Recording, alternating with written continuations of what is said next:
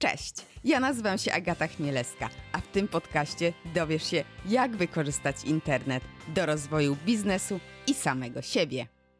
Cześć, dzisiaj moim gościem jest Michał Misztal. Cześć. E, Michał od lat pomaga przedsiębiorcom i startupom mm, rozwijać ich biznesy, e, szkoli, prowadzi programy mentoringowe, konsultacje, wykłada, a do tego jest pełnym energii i optymizmu e, człowiekiem. Mamy przyjemność współpracować w ramach Startup e, Akademii, jego biznesu, w którym też tutaj pomaga startupom między innymi pozyskiwać e, kasę na rozwój. No i o tej kasie chciałam z Michałem dzisiaj porozmawiać, i więc nie przedłużając, może przejdźmy do rozmowy. Co dobrego u Ciebie słychać? E, myślę, że dzisiaj e, dużo dobrego, dlatego że mamy trochę taką kumulację różnych projektów, które właśnie uruchamiamy. Szukamy kilka nowych akceleratorów. Mamy zupełnie nowy program doradczy dla jednej z dzielnic. O niej mm, pewnie opowiemy niedługo trochę więcej. Sporo dobrych rzeczy, chociaż bardzo dużo ciężkiej pracy. No tak, tak. No to zwykle jest, jak się różne projekty prowadzi, to jest taki uuu, ale to też jest fajne, bo szybko leci czas y, w pracy, nie czuję się tego. Zdecydowanie, zdecydowanie. Mam wrażenie, że przyszedłem godzinę temu, a jest godzina 17.30. No to, to dobrze, że się dzieje, więc to jest najważniejsze. E... Chciałam z Tobą właśnie o tej kasie, o tych finansowaniu firmy, mhm. tak mądrze powiedziawszy, porozmawiać, no bo y, można pozyskać y, pieniądze przez kredyty, tak, od banków, można też y, przez crowdfunding, o czym rozmawiałam z Łukaszem z Giebem w y, chyba 68 odcinku, mam tutaj zapisane, 62 odcinku tego podcastu, ale są też inne możliwości. Jakie to są możliwości? Wspomniałeś o kredytach e, i mimo wszystko, może jednak chciałbym do tego nawiązać, Dobra. bo bardzo często Polacy myślą sobie o tym, że kredyt, który bierzemy na firmę jest największym złem i bierzemy go w ostateczności. Kiedy to jednak nie do końca jest prawda, bo kredyty mają też bardzo mocne strony i bardzo dobre e, aspekty. Przede wszystkim nikomu nie oddajemy udziałów. Po drugie, nie nakładamy na siebie kagańca, takiego jakiego nakładamy na siebie, kiedy e, czerpiemy pieniądze z Unii Europejskiej. E, oczywiście my musimy te pieniądze oddać, ale dzięki różnym mechanizmom współfinansowania mamy do dyspozycji różnego rodzaju instrumenty kredytowe, które są bardzo tanie. Między innymi Bank Gospodarstwa Krajowego realizuje liczne programy kredytowe, które są oprocentowane 1%, 2%, 0,5% w skali roku. Mają bardzo dużo preferencji dla innowatorów i dla ludzi, którzy zaczynają biznes. Dość, że wymienię chociażby program Wsparcie w Starcie, który daje około 90 tysięcy złotych kredytu rozłożonego na wiele lat z oprocentowaniem poniżej 1%. To są bardzo dobre pieniądze, które zwłaszcza wtedy, kiedy no, nie jesteśmy bardzo innowacyjni, to możemy z nich skorzystać, bo już za chwilę będziemy sobie rozmawiali o, in, o dotacjach i o inwestycjach kapitałowych, ale tam, żeby przekonać te podmioty, które dysponują środkami, musimy być innowacyjni. Skoro kredyty, mhm. to albo jeżeli nie kredyty, no to otwiera nam się cały wielki worek różnego rodzaju innych mechanizmów. O tym troszkę zasugerowałem. Są to e, fundusze kapitałowe, są to aniołowie biznesu, no i są to pieniądze publiczne, e, z których również możemy czerpać na rozwój biznesu. Okej, okay. i tak jak Ciebie słucham, no to tutaj nie oddajemy udziałów, nie trzeba jakichś e, spełniać warunków, no to po co są te inne rzeczy tak naprawdę? Bo może faktycznie lepiej brać po prostu kredyt. To zależy. Jak to y, mądrzy mówią, to zależy. Bo y, kiedyś jeden z przedsiębiorców, którym doradzałem, powiedział mi, że jeszcze nikt nigdy nie motywował, nie motywował go tak bardzo do pracy, jak wizja kolejnej raty kredytu, którą musi, musi spłacić. To jest świetna motywacja. Ale kredyt jest dobry wtedy, kiedy mamy dosyć niskie ryzyko biznesowe. No bo jeżeli startujemy z innowacją, która zawsze wiąże się z tym zwiększonym ryzykiem, to ja osobiście odradzałbym kredyty, bo tam pełna odpowiedzialność za niepowodzenie inicjatywy jest na nas. Kiedy okay. bierzemy inwestora, kiedy robimy to z dotacji, jeżeli nie wyjdzie, obie strony rozumieją, że mogło nie wyjść. Oczywiście zawsze są jakieś konsekwencje, ale to nie oznacza, że do końca życia będziemy spłacali kredyt za kolejny fantastyczny portal społecznościowy dla kotów, który o dziwo nam nie wypalił. Plakatów. Ciekawe. Spytam mojej Zuzanny. Były takie, były takie i były finansowane nawet z pieniędzy publicznych po 800 tysięcy złotych z poprzednich perspektyw finansowych. Portal dla niepełnosprawnych, portal dla, yy, portal dla bezdomnych, portal dla kotów, portal dla takich. No, miliony czasami dziwnych pomysłów, które nie miały jakiegokolwiek ukorzenienia biznesowego. Okej, okay. no powiem tak, słyszę różne tutaj z tą współpracując, różne pomysły, więc już nie nic nie jest w stanie zdziwić. No dobra, to mamy kredyty, mamy te dodatkowe, które zaraz będę Ciebie też um, pytać, te bardziej innowacyjne, gdzie musimy przekonać jednak, żeby pozyskać te mhm. pieniądze.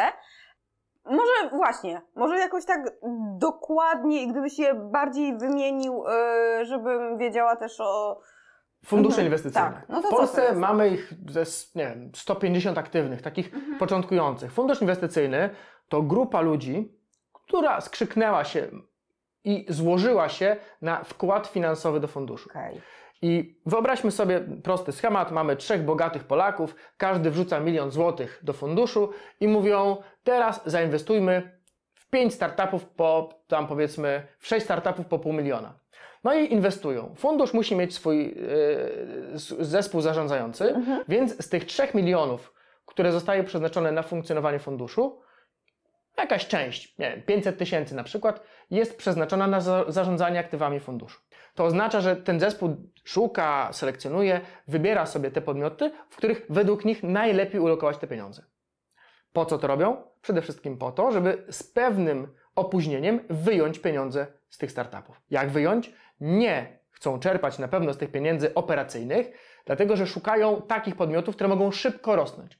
Jak szybko rosną, mogą zwielokrotnić swój zysk. Więc taki fundusz najczęściej zupełnie nie jest zainteresowany zyskiem operacyjnym firmy. On jest zainteresowany wzrostem wartości.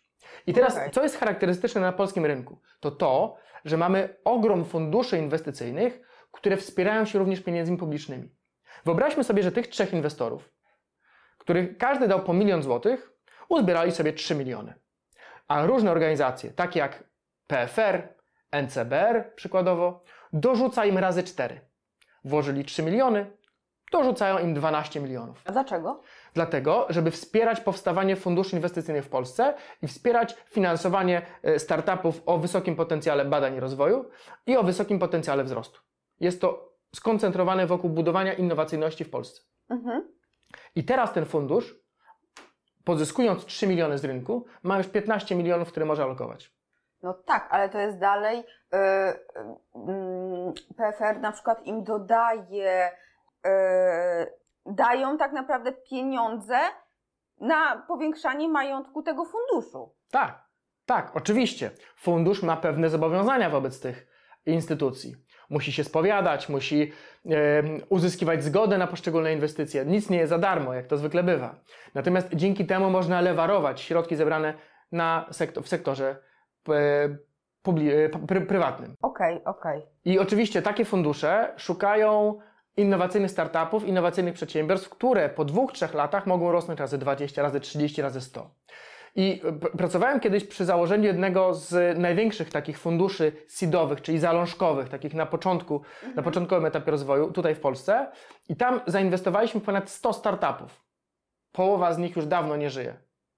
Ale jest kilka takich, których wartość wzrosła ponad stukrotnie. I teraz można powiedzieć, że jeden taki startup, który wzrósł stokrotnie, pokrywa straty wygenerowane przez te wszystkie pozostałe. Mhm. I na tym zasadza się trochę model ten model musi być na tyle rozproszoną inwestycją, żeby umożliwić pozyskiwanie środków i zmaksymalizowanie szansy na zwielokrotnienie aktywów funduszu.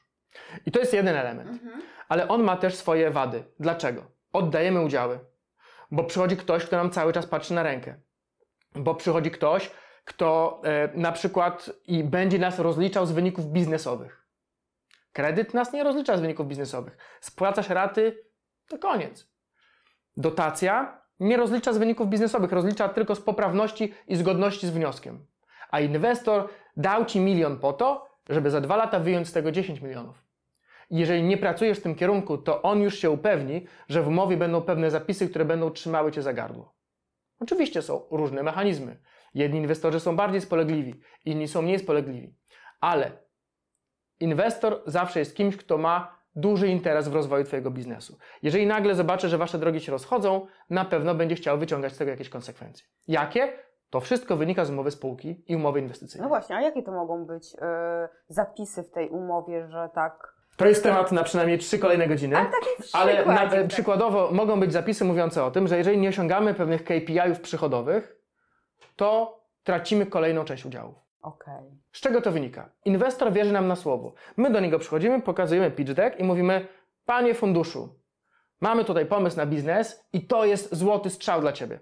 Dajemy Ci fantastyczną możliwość zainwestowania w nas i my w pierwszym roku zrobimy milion, w drugim zarobimy 5 milionów, w trzecim zarobimy 100 milionów. Będziemy rosnąć jak statystyki koronawirusa w Polsce. I teraz inwestor mówi: OK, ja ci ufam, ale w umowie wpisuję, że jeżeli tego nie zrobisz, zmieniają się zasady gry. Mówi tak: jeżeli przez pierwszy kwartał nie osiągniesz wyników, OK, ale jeżeli przez drugi siadamy do stołu, zastanawiamy się, co się stało. A jeżeli przez trzeci tracisz kolejne 10% udziałów. Jeżeli przez czwarty tracisz kolejne 30% udziałów. Można powiedzieć, że to straszne, że to drastyczne, ale zwróćmy uwagę na to, że to on inwestuje i ryzykuje swoimi pieniędzmi. Więc jeżeli my mu nie dowozimy tej obietnicy, którą złożyliśmy wcześniej, powinniśmy liczyć się z konsekwencjami. Jakimi? Takimi, które są wpisane w umowę inwestycyjną. Okej, okay, okej, okay. czyli na przykład yy, udziały, nie? Na przykład udziały. Na przykład, jeżeli nie wyciągamy yy, wyników, możemy być odsunięci z zarządu.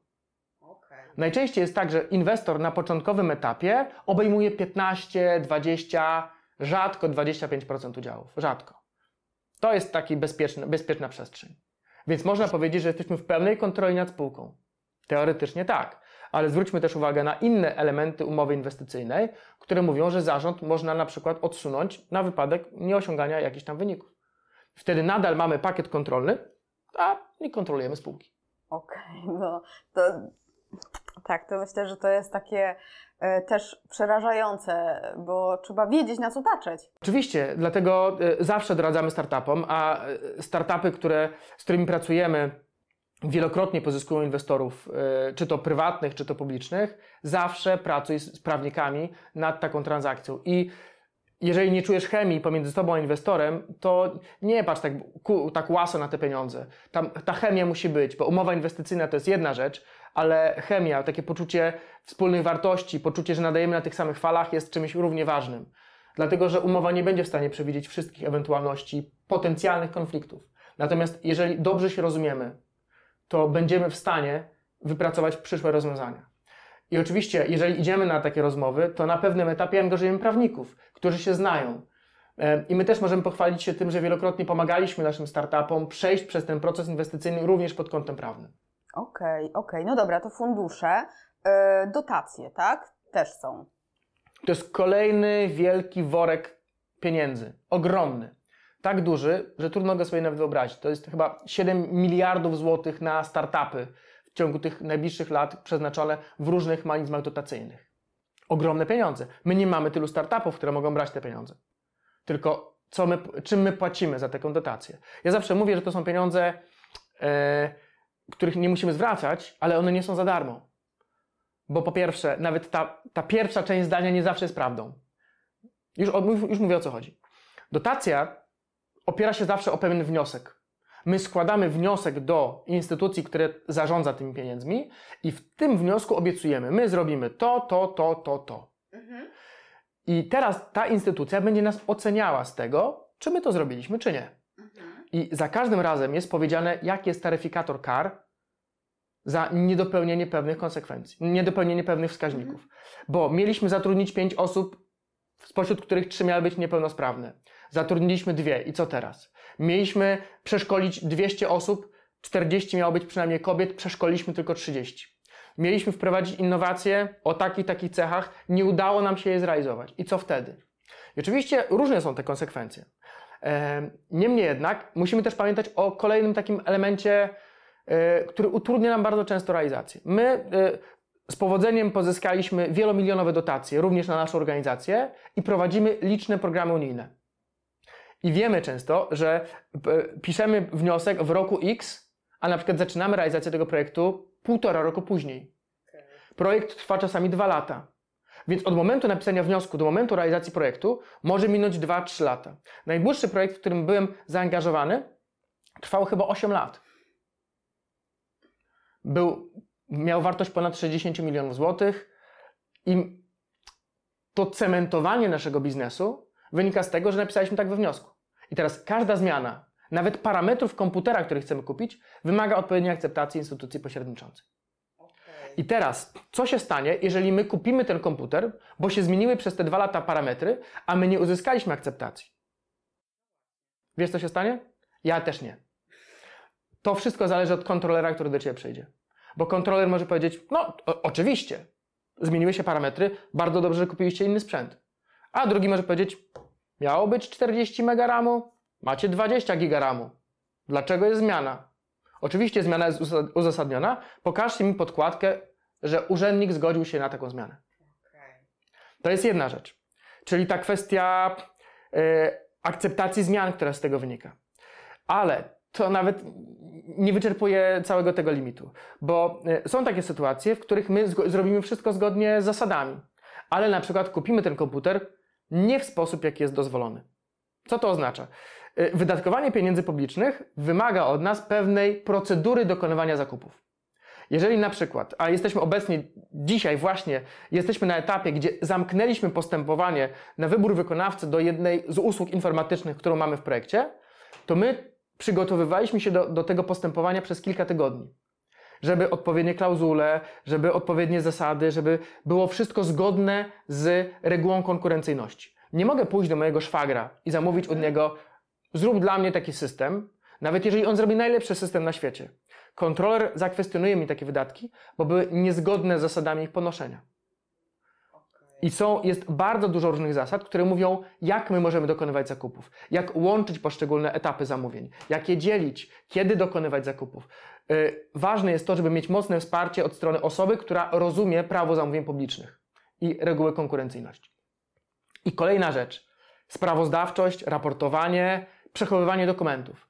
Zdarzyło nam się tak, że już dawno zapomnieliśmy o projekcie, a po kilku latach zapukała kontrola, powiedziała: Pokaż mi proszę formularze ludzi, którzy 5 lat temu brali udział u Ciebie na spotkaniach. Nie mamy czegoś? No to mamy problem. Mamy 5 lat przechowywać dokumentację. Ludzie się zmieniają. Jedni przychodzą, drudzy odchodzą. Jak nie ma notatek służbowych, jak dokonaliśmy wyboru konkretnego wykonawcy, to jakim cudem ja za 5 lat będę pamiętał, jak my go wybraliśmy? I teraz do firmy, która ma być mała, dynamiczna, sprężysta, wchodzą procedury. No tak, na samym początku Wchodzą już. procedury, które ją ściskają za gardło. I znowu tutaj też staramy się wychodzić naprzeciw naszym startupom, bo w naszym biurze rachunkowym, które prowadzimy, też rozliczamy projekty unijne. I my mówimy, słuchajcie, wy się skupcie na tym swoim biznesie, który sobie wymarzyliście, a nasi eksperci od y, dokumentacji, papierów, prawa zamówień publicznych zrobią to za Was. Mhm. I też staramy się w ten sposób prowadzić startupy, którym doradzamy, żeby, żeby mogły skupić się na tym, co naprawdę sprawia im Friday i co stanowi tego drive'a ich pasji. Ale to też są takie wymagania w tych dotacjach takich, one się, ósemkę chyba miały w nazwie. 8.1. Tak, że się pozyskiwało, to też tak to wszystko wygląda? Wyglądało, to, to jest poprzednia jest. perspektywa finansowa, tak, dokładnie tak. Są pewne granty, które są realizowane na prostszych zasadach, mhm. ale jest ich bardzo niewiele. Jednym z przykładów takich rozwiązań jest chociażby projekt y, Scale Up albo Poland Price, gdzie akceleratory, które zostały wybrane przez Polską Agencję Rozwoju Przedsiębiorczości są dysponentami środków. To akcelerator jest beneficjentem programu, a podmiot, który otrzymuje pieniądze, jest grantobiorcą. A to oznacza, że na tym akceleratorze ciążą wszelkie obowiązki sprawozdawcze. To akcelerator ma nas, grantobiorców, przypilnować, że my te pieniądze wydajemy dobrze. Okay. Ale takich programów jest dosłownie kilka. Okej, okay, no dobra. Wspominałeś też o aniołach y, biznesu. Y, tak. Co to jest? Anioł biznesu mm, to taka osoba, która w swoim życiu zarobiła już naprawdę bardzo dużo pieniędzy. I te pieniądze teraz chce inwestować e, w startupy, w jakieś pomysły technologiczne, w pomysły rozwojowe. E, I anioł biznesu różni się często tym od funduszu inwestycyjnego, że po pierwsze chce najczęściej znacznie więcej udziałów, okay. bo mówi, ja ci dam milion, ale 51% jest moje. Okay. Z czego to wynika? Bardzo często aniołowie nie rozumieją tego mechanizmu. Jeżeli oni na początku wezmą za dużo, to, to nie ma mają... przestrzeni na kolejnego inwestora. Okay. I teraz anioł biznesu często inwestuje w branże, które są zbieżne z tym, na czym on się dorobił. Kolejna sprawa, dużo mocniej emocjonalnie angażuje się w proces. Ale z drugiej strony, dużo bardziej angażuje się doradczo niż fundusz inwestycyjny. Dużo bardziej chce pomóc. Otwiera kalendarz, otwiera telefon, wyciąga numery, pomaga, bo jest to jego bardzo mocnym interesem. I część z tych aniołów biznesu, których, którzy wcześniej działali na rynku, została wchłonięta do tych funduszy, które lewarują się pieniędzmi publicznymi.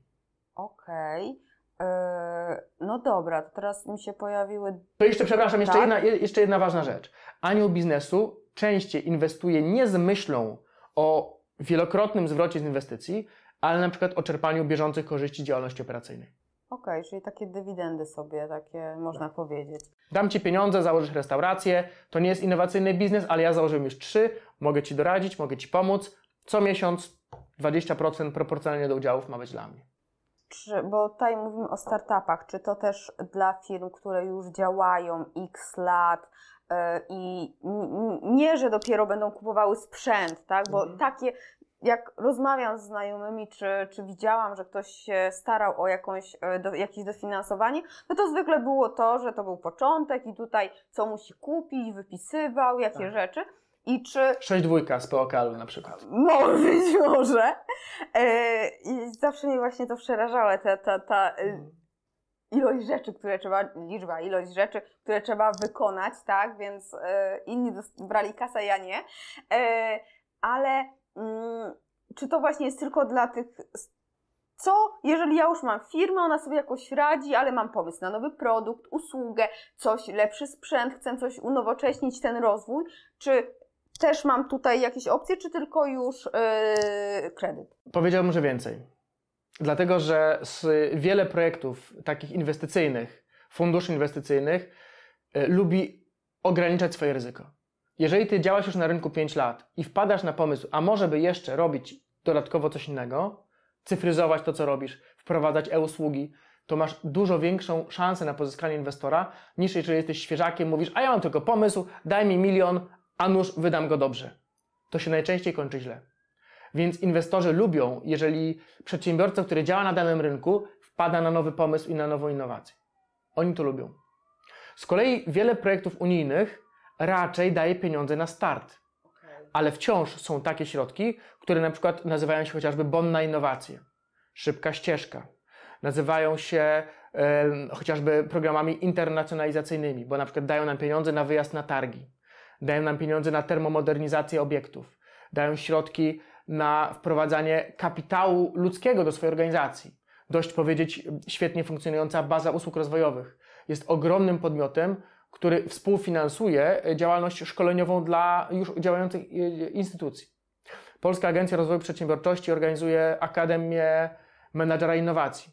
Mhm. To są również wspierane i dotowane projekty doradcze, gdzie już istniejące przedsiębiorstwa wysyłają swoich pracowników po to, żeby uczyli się innowacji.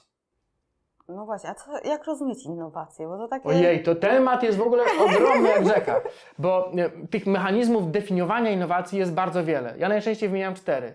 Mam innowację produktową, procesową, marketingową i modelową. Oczywiście wraz z nowymi podręcznikami Oslo pojawiają się nowe definicje, ale ja najbardziej lubię te cztery. I teraz Innowacja produktowa to jest taka, która wiąże się z nowym rodzajem produktu, nową technologią. Ona powstaje w działach RD dużych korporacji, których, które teraz widzimy gdzieś tutaj za okien e, i ona jest często droga. Startupy, które starają się tworzyć innowację produktową, mają bardzo trudną drogę do sukcesu, bo ta technologia jest bardzo droga.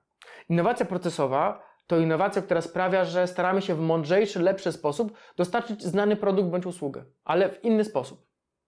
Ona jest często tańsza, ale znowu e, instytucje publiczne mniej lubią wspierać innowację procesową, bo ona gorzej wygląda na zdjęciach. Okay, bo nie ma takiego efektu wow z tego, co tam się z tego wykluje. Mamy innowację modelową. Innowacja modelowa zmienia e, model biznesowy świadczenia danej usługi. Wyobraź sobie kwiaciarnię. Kwiaciarnia, tradycyjny biznes, od przynajmniej, nie wiem, 2000 lat tak samo się sprzedaje kwiaty. Ale jeżeli dzisiaj wymyślisz sobie, że nie będziesz sprzedawała kwiaty w modelu 5 zł za róże, a na przykład 200 zł miesięcznie, no to sprzedajesz kwiaty w modelu abonamentowym. I wyobraź sobie, że obsługujesz hotele. I teraz podpisujesz umowę na zawsze świeże kwiaty w modelu 200 zł za miesiąc, 1000 zł za miesiąc. I to teraz Twoim e, zadaniem jest dostarczyć tyle świeżych kwiatów, żeby one nie więdły. To jest innowacja modelowa. Okay. Ja ją bardzo lubię, bo ona często pokazuje ogromny potencjał w zmianie no właśnie tego business model canvas, który te innowacyjne firmy w sobie mają.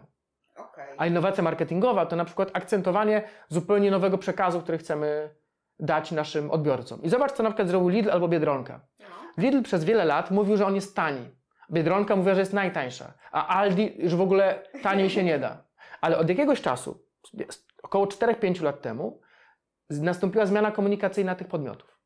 Lidl wprowadził ryneczek Lidla, gdzie swojski rolnik dwie godziny ogląda ziemniaka, zanim go odłoży do wielkiej, prawda, wielkiego wora, gdzie to trafia do Lidla. Jak odpowiedziała na to Biedronka? Stworzyła warzywniak Biedronki, gdzie w tym warzywniaku inny rolnik ogląda tak samo burak, zanim go włoży do wielkiego wora, który trafia do, do Biedronki.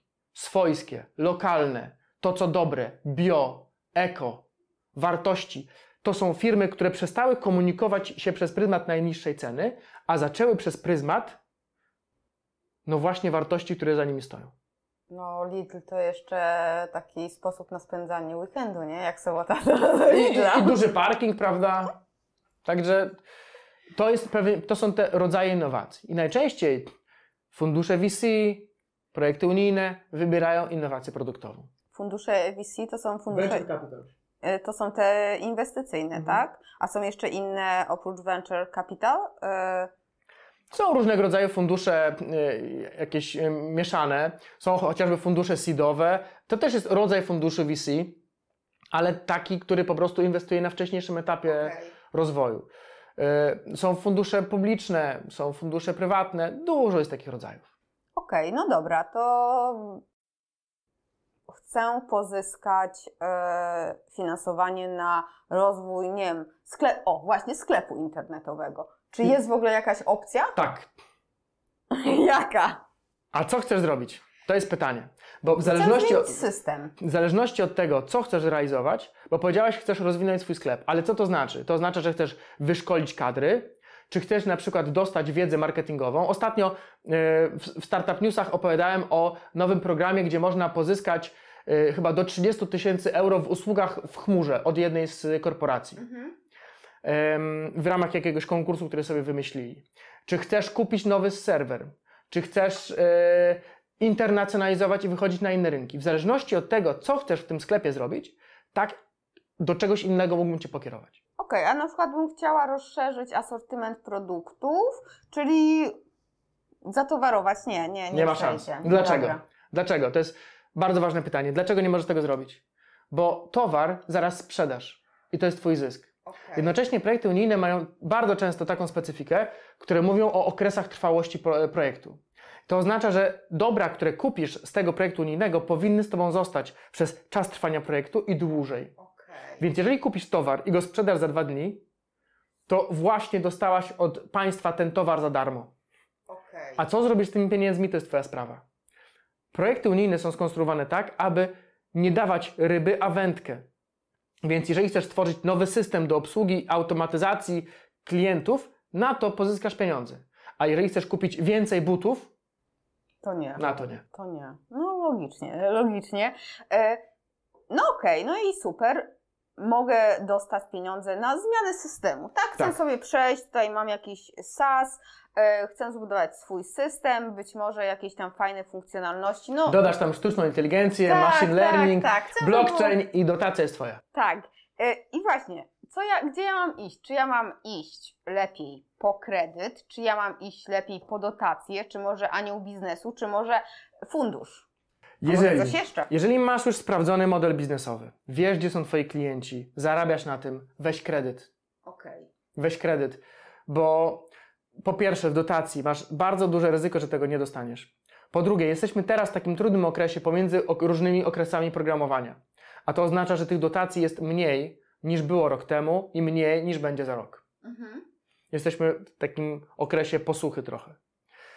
Jeżeli pójdziesz do funduszu inwestycyjnego, to oni ci powiedzą, że to nie jest skalowalne to, co ty robisz. bo ty chcesz wprowadzić innowacje na skalę swojej firmy i rozwijać swoją firmę jakimś nowym jakimś systemem.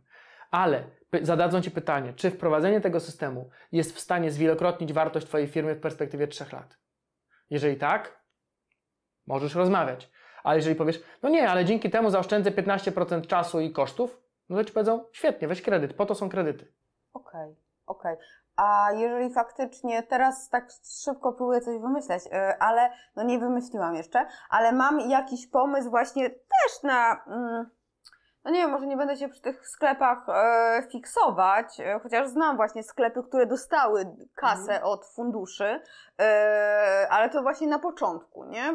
Innowacyjne to było, faktycznie coś innego, na przykład lokalny rolnik, nie? Że gdzie, gdzie faktycznie tam ta, ta kasa była na rozwój, gdzie mhm. to już tam sobie nie wiem ile lat działało, no ale żeby, żeby szybciej się rozwijać, jakieś systemy i yy, usprawnienia wprowadzić, yy, to pozyskali, ale yy, no przykładowo już ta firma sobie tam działa, mm, nie wiem, no zostanie przy tych sklepach internetowych, bo to jest takie, mhm. na, na, na, akurat tak mi siedzi w głowie, zawsze mi siedzą sklepy internetowe w głowie.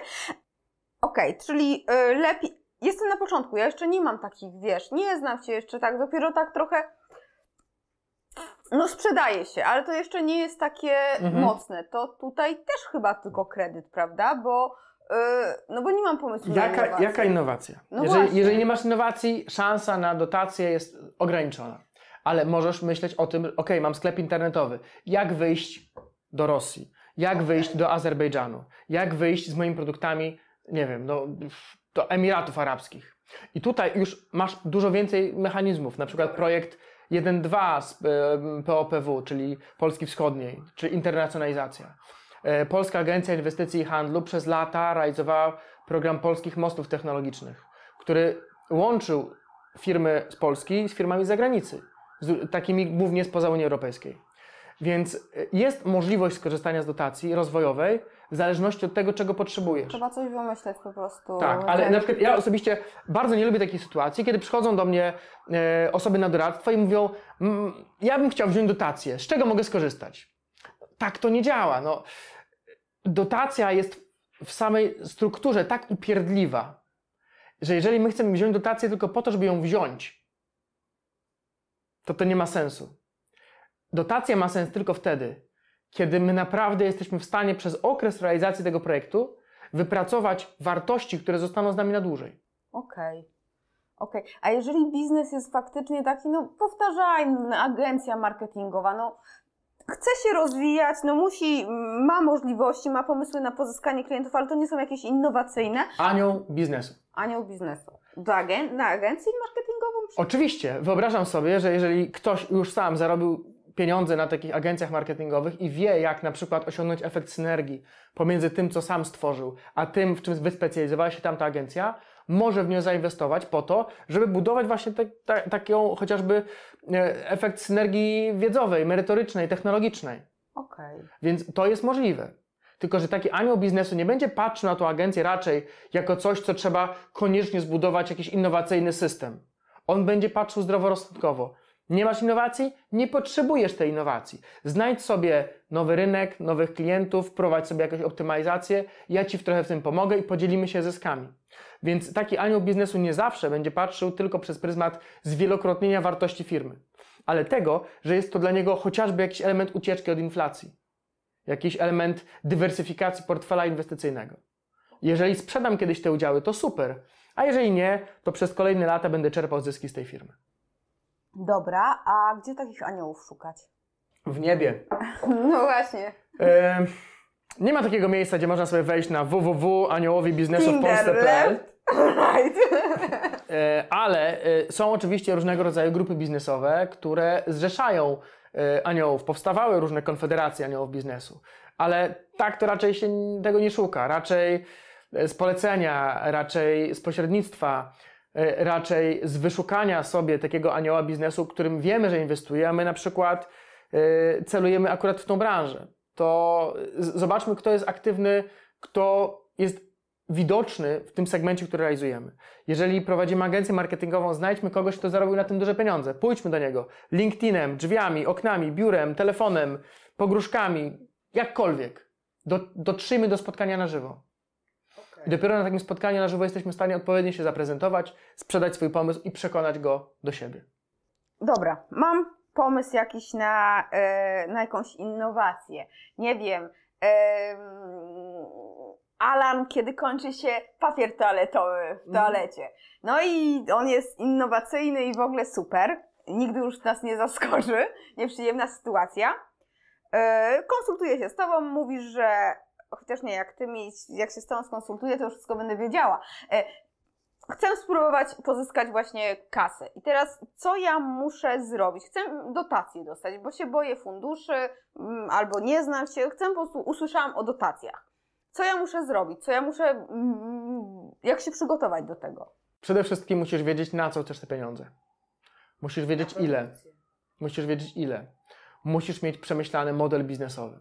Oczywiście to nie jest tak, że musisz wszystko zrobić sama, bo my często pomagamy w ramach doradztwa, e, jak ten model ułożyć, skąd to wziąć, jak oszacować koszty. E, natomiast na te pytania na pewno będziesz musiała mieć odpowiedzi, zanim zdecydujesz się na aplikowanie do któregoś z programów.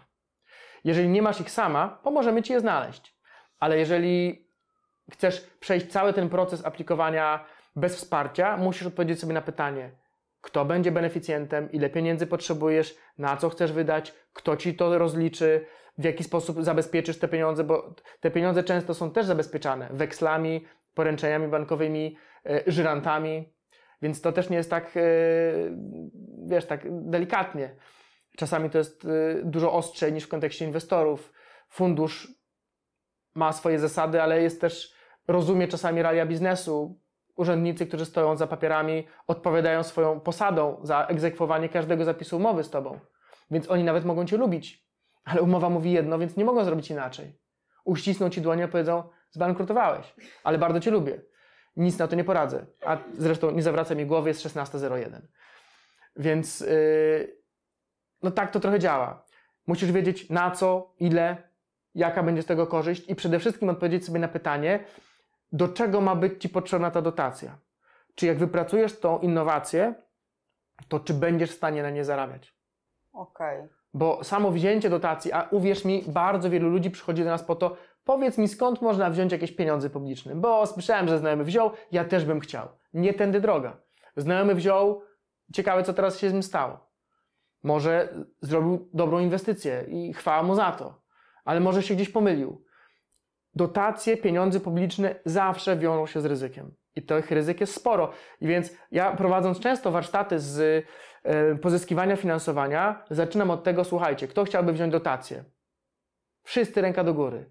Kto chciałby wziąć kredyt? Nikt ręka do góry. Kto chciałby inwestora? Wszyscy ręka do góry. A potem jak opowiadam o tym wszystkim na zakończenie warsztatów, mówię, dobra, to, to kto, kto, chce, kto chce inwestora? Co drugi? Kto chce dotację? Co dziesiąty? Kto chce kredyt? 90% osób. Dlaczego? To nie jest tak, że ja namawiam na kredyty. Po prostu staram się pokazać ryzyka, które się z tym wiążą. Mhm. A ryzyk z pieniędzmi publicznymi jest kilka. O tym powiedziałem. Więc musimy po prostu być tego świadomi. Jeżeli jesteście świadomi tego, to świetnie, można wziąć super pieniądze i zrobić z tego bardzo dobry użytek. Ja mam przekonanie, że my tak robimy, bo pozyskujemy dotacje na rozwój naszej organizacji i staramy się je wykorzystać po to, aby zbudować wartość, która zostanie z nami po zakończeniu tego programu.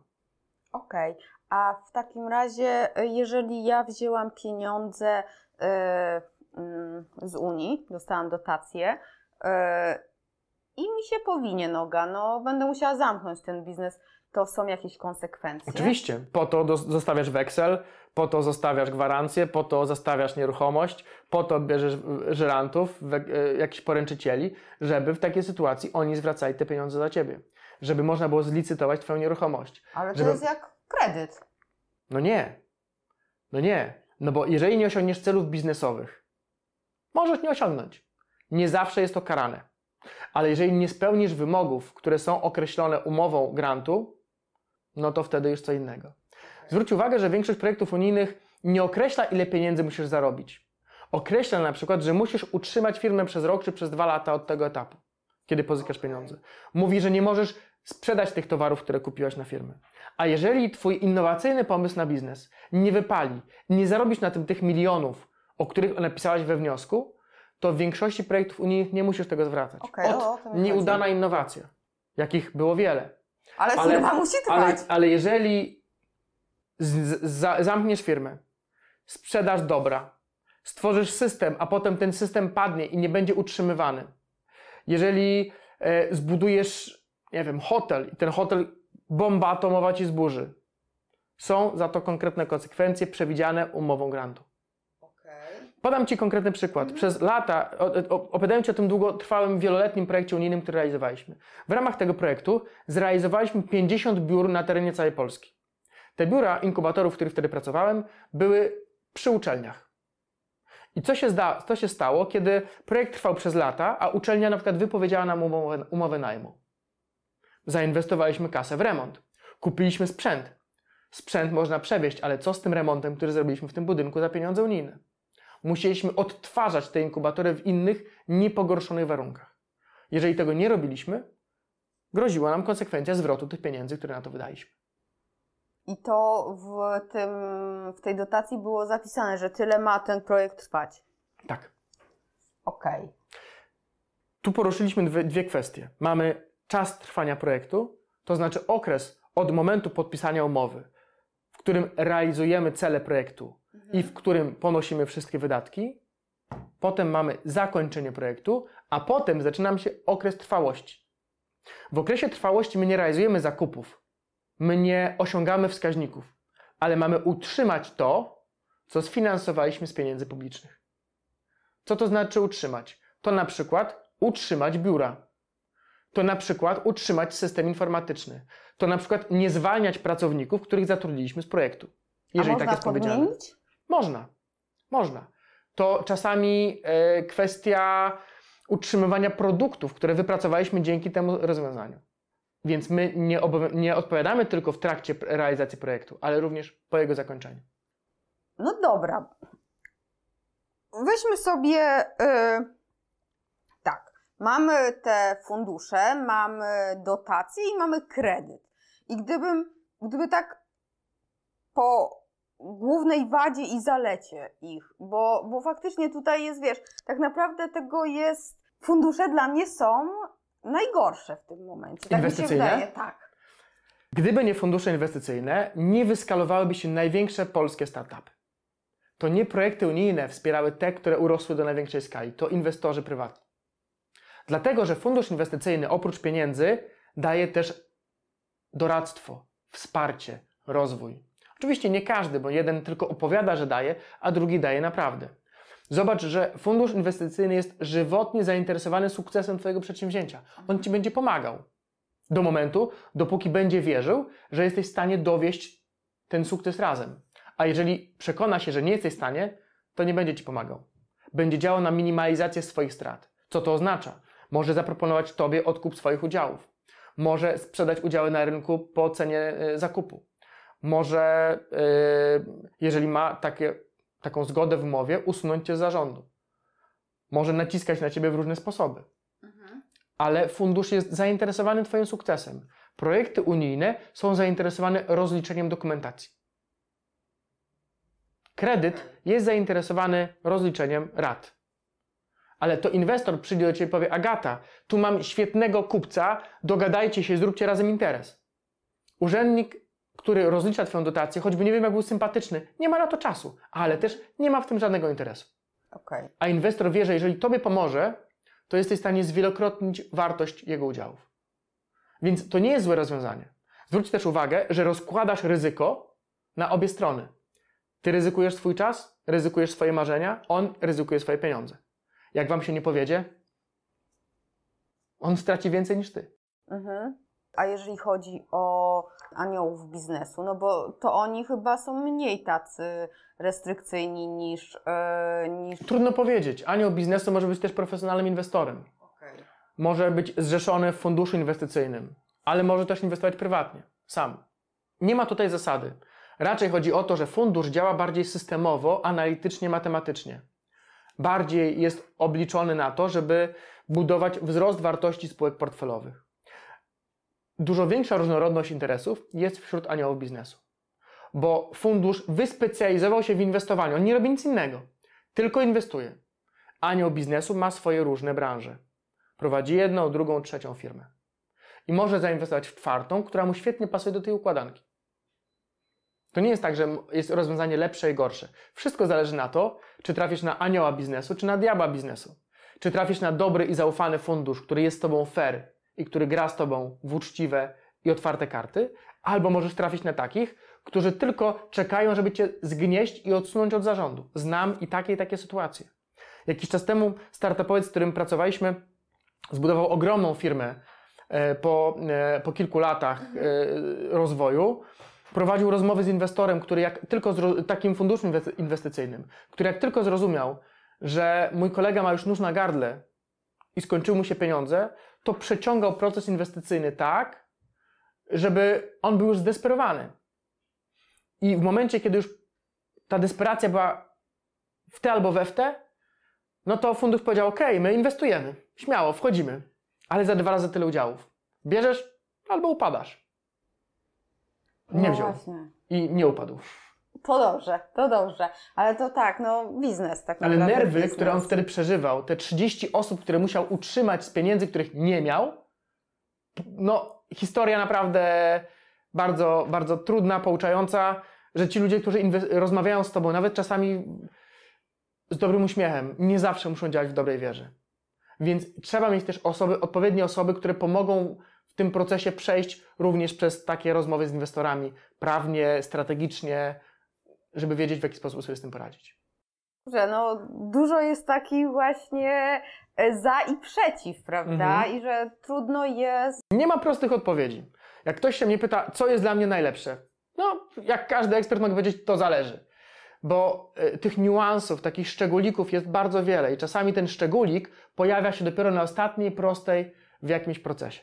My na przykład realizujemy taki strategiczny projekt unijny, który z założenia jest piękny, ale sam fakt tego, że musimy wydatki rozliczać per miesiąc, a nie per kwartał albo półrocze, tak jak jest to w innych projektach, utrudnia ten projekt do granic bólu.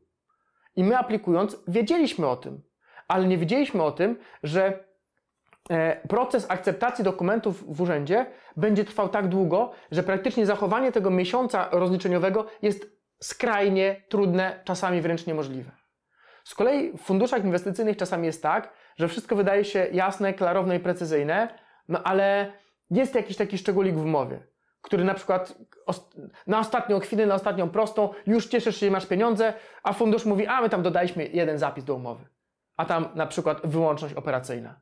To oznacza, że jeżeli przyłapiemy Cię na tym, że oprócz tego, że z nami pracujesz, na przykład nagrywasz podcasty z gośćmi, tracisz udziały, tracisz zarząd, tracisz coś tam bo masz być 150% fokus na tym, co razem robimy.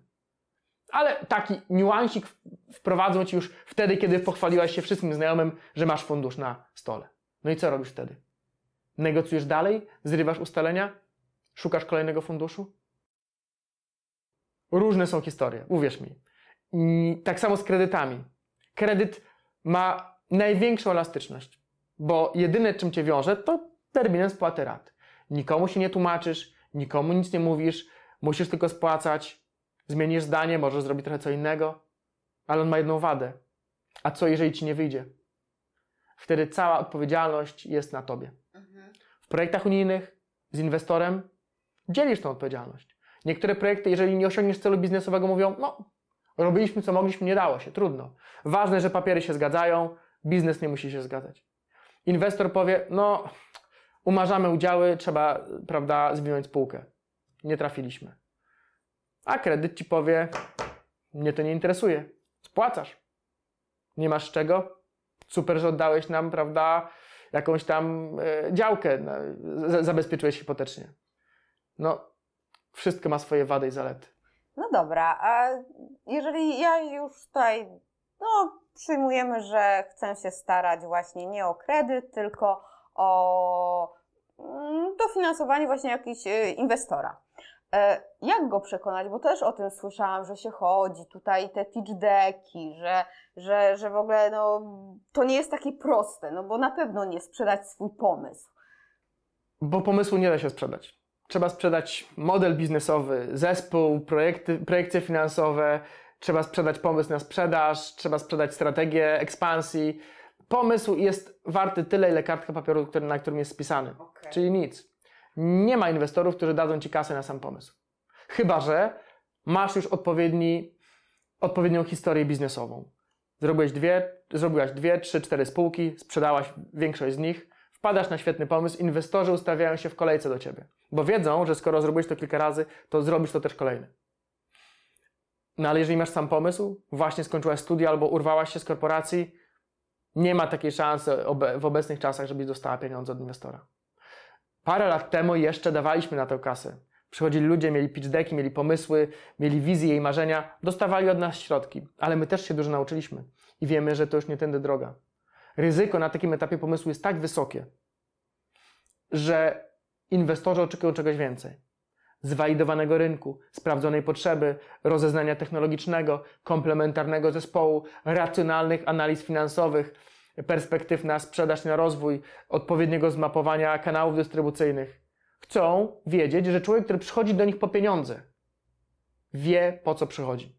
Też tak z, z obserwacji, tak mi teraz naszło e, taka myśl, że że inwestorzy chyba chcą widzieć, że ten pomysł już zarabia, znaczy no ten, ten biznes zarabia na siebie, że już coś się dzieje. To tak jak mieć ciastko i zjeść ciastko. I często startupowcy mówią, no jak ja już będę zarabiał, to nie będę potrzebował pieniędzy od inwestora a inwestor powie, no dopóki nie zarabiasz, to ja nie wiem, czy to będzie działało. Oczywiście racja jest gdzieś po środku, bo często jest tak, że kiedy już mamy wystarczający produkt, żeby na nim zarabiać, to startup już nie musi mieć inwestora na pewnym etapie. Oczywiście, żeby się skalować, pieniądze są potrzebne, ale inwestorzy też rozumieją, że nie zawsze to jest możliwe. Dlatego oczekują zwalidowanej potrzeby, oczekują jakiegoś prostego prototypu, który jest w stanie pokazać funkcjonalność, listów intencyjnych, uwiarygodnienia tego, że ci klienci tam są i że zapłacą, a niekoniecznie muszą już teraz płacić. Zwróć też uwagę, że wiele takich startupowych inwestycji odbywało się nie na etapie płatności, ale na etapie już zbudowanej społeczności wokół produktu. Ty nie musisz jeszcze mieć pieniędzy od klientów, ale jeżeli masz 10 tysięcy użytkowników Twojego systemu, to jak wprowadzisz mechanizm płatnościowy, odpadnie ileś procent, ale część zostanie. No ale na ten system, żeby go stworzyć, też trzeba mieć pieniądze. No i dlatego o tym mówię, że e, czasami ci użytkownicy wystarczają. Nie muszą to być jeszcze użytkownicy wersji finalnej. To mogą być użytkownicy prototypu.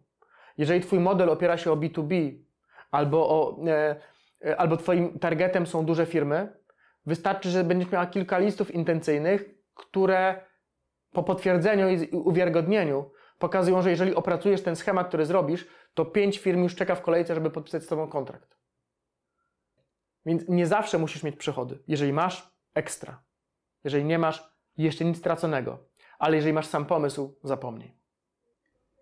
Dużo tego dużo, żeby tak faktycznie sobie to poukładać i też podjąć decyzję, bo faktycznie chyba trzeba każdy tutaj, każdy przypadek osobno rozpisać, bo Zgadza nawet się. nie mogę Ci zadać pytania takiego ogólnego, nie? To teraz... Bo ogólnie momencie... można rozmawiać przez lata, przez debatować, który kapitał jest lepszy, który jest gorszy, ale ja nie lubię takich e, filozoficznych dysput, lubię pochylić się nad konkretnym case'em przedsiębiorcy, który ma pomysł, wie na czym chce zarabiać i zastanawia się nad tym, no dobrze, no to teraz jak ja to sfinansuję?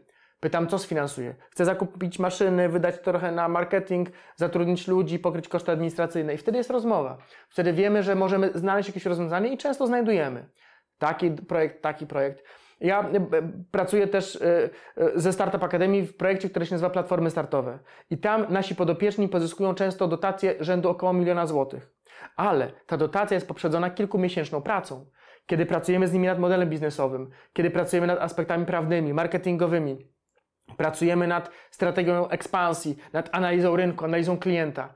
Ten milion złotych dotacji jest poprzedzony kilkumiesięczną pracą. Jego i ekspertów, którzy, których mu dedykujemy. I wtedy my wiemy, że ten milion nie jest stracony. Oczywiście on może się nie udać, ten biznes, ale zrobiliśmy tak dużo, jak się dało, żeby potwierdzić najważniejsze pytania dotyczące biznesu, zanim ten milion wpłynie na konto.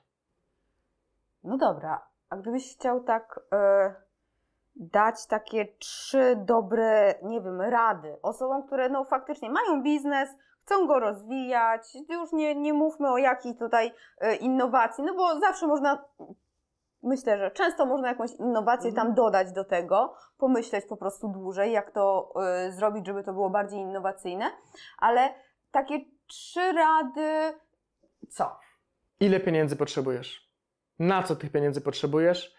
I jak ryzykowny masz model biznesowy? Odpowiedź na te trzy pytania wskaże kierunek, czego szukać. Jeżeli potrzebujesz dużo, pewnie będą to dotacje unijne. Jeżeli jesteś gotowy na duże ryzyko, weź kredyt i nie zastanawiaj się nad tym. Jeżeli e, szukasz rozwiązań, które są innowacyjne, szukaj inwestora, podziel ryzyko, staraj się znaleźć tą wartość dodaną. Odpowiedź na te trzy pytania, ile, jak bardzo ryzykowne jak bardzo innowacyjne, pozwala na, na kierowanie, na wybór odpowiedniego mechanizmu finansującego.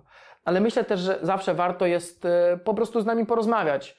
E, I my postaramy się nakierować, korzystając też z naszego doświadczenia, który mechanizm dla konkretnego przypadku jest najlepszy.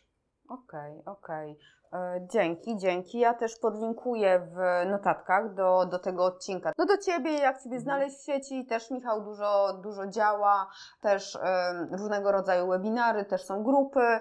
E, na Facebooku, do których można dołączyć i też tam śledzić, więc, e, więc warto Michała śledzić. Jest też kurs internetowy dla startupów i dla osób, które chcą po prostu rozwijać jakąś swój nowy pomysł, biznes. E, więc ja do tego wszystkiego po, podlinkuję. Jeszcze raz Ci dziękuję za, Dzięki za serdeczne. Super było posłuchać i naprawdę ogrom, ogrom nowej wiedzy. Niby się w tym otaczam, ale takie to wszystko no, skomplikowane i chyba dalej po prostu nie będę się starała o żadne dofinansowanie nigdzie. Niech będzie tak jak jest, spokojnie i miło, e, organicznie wszystko. E, to dziękuję, e, dziękuję Wam e, i fajnie, jeżeli prześlecie tą rozmowę osobom, które, mm, którym może się ona przydać, e, no bo dobra wiedza niech się szerzy dalej. Cześć, pa! Dzięki Hej. serdeczne, do zobaczenia. Dziękuję Ci za wysłuchanie tego odcinka podcastu. W notatkach znajdziesz linki do stron, książek czy narzędzi, o których wspominałam. Zapraszam Cię także na mój blog achmieleska.com łamane na blog.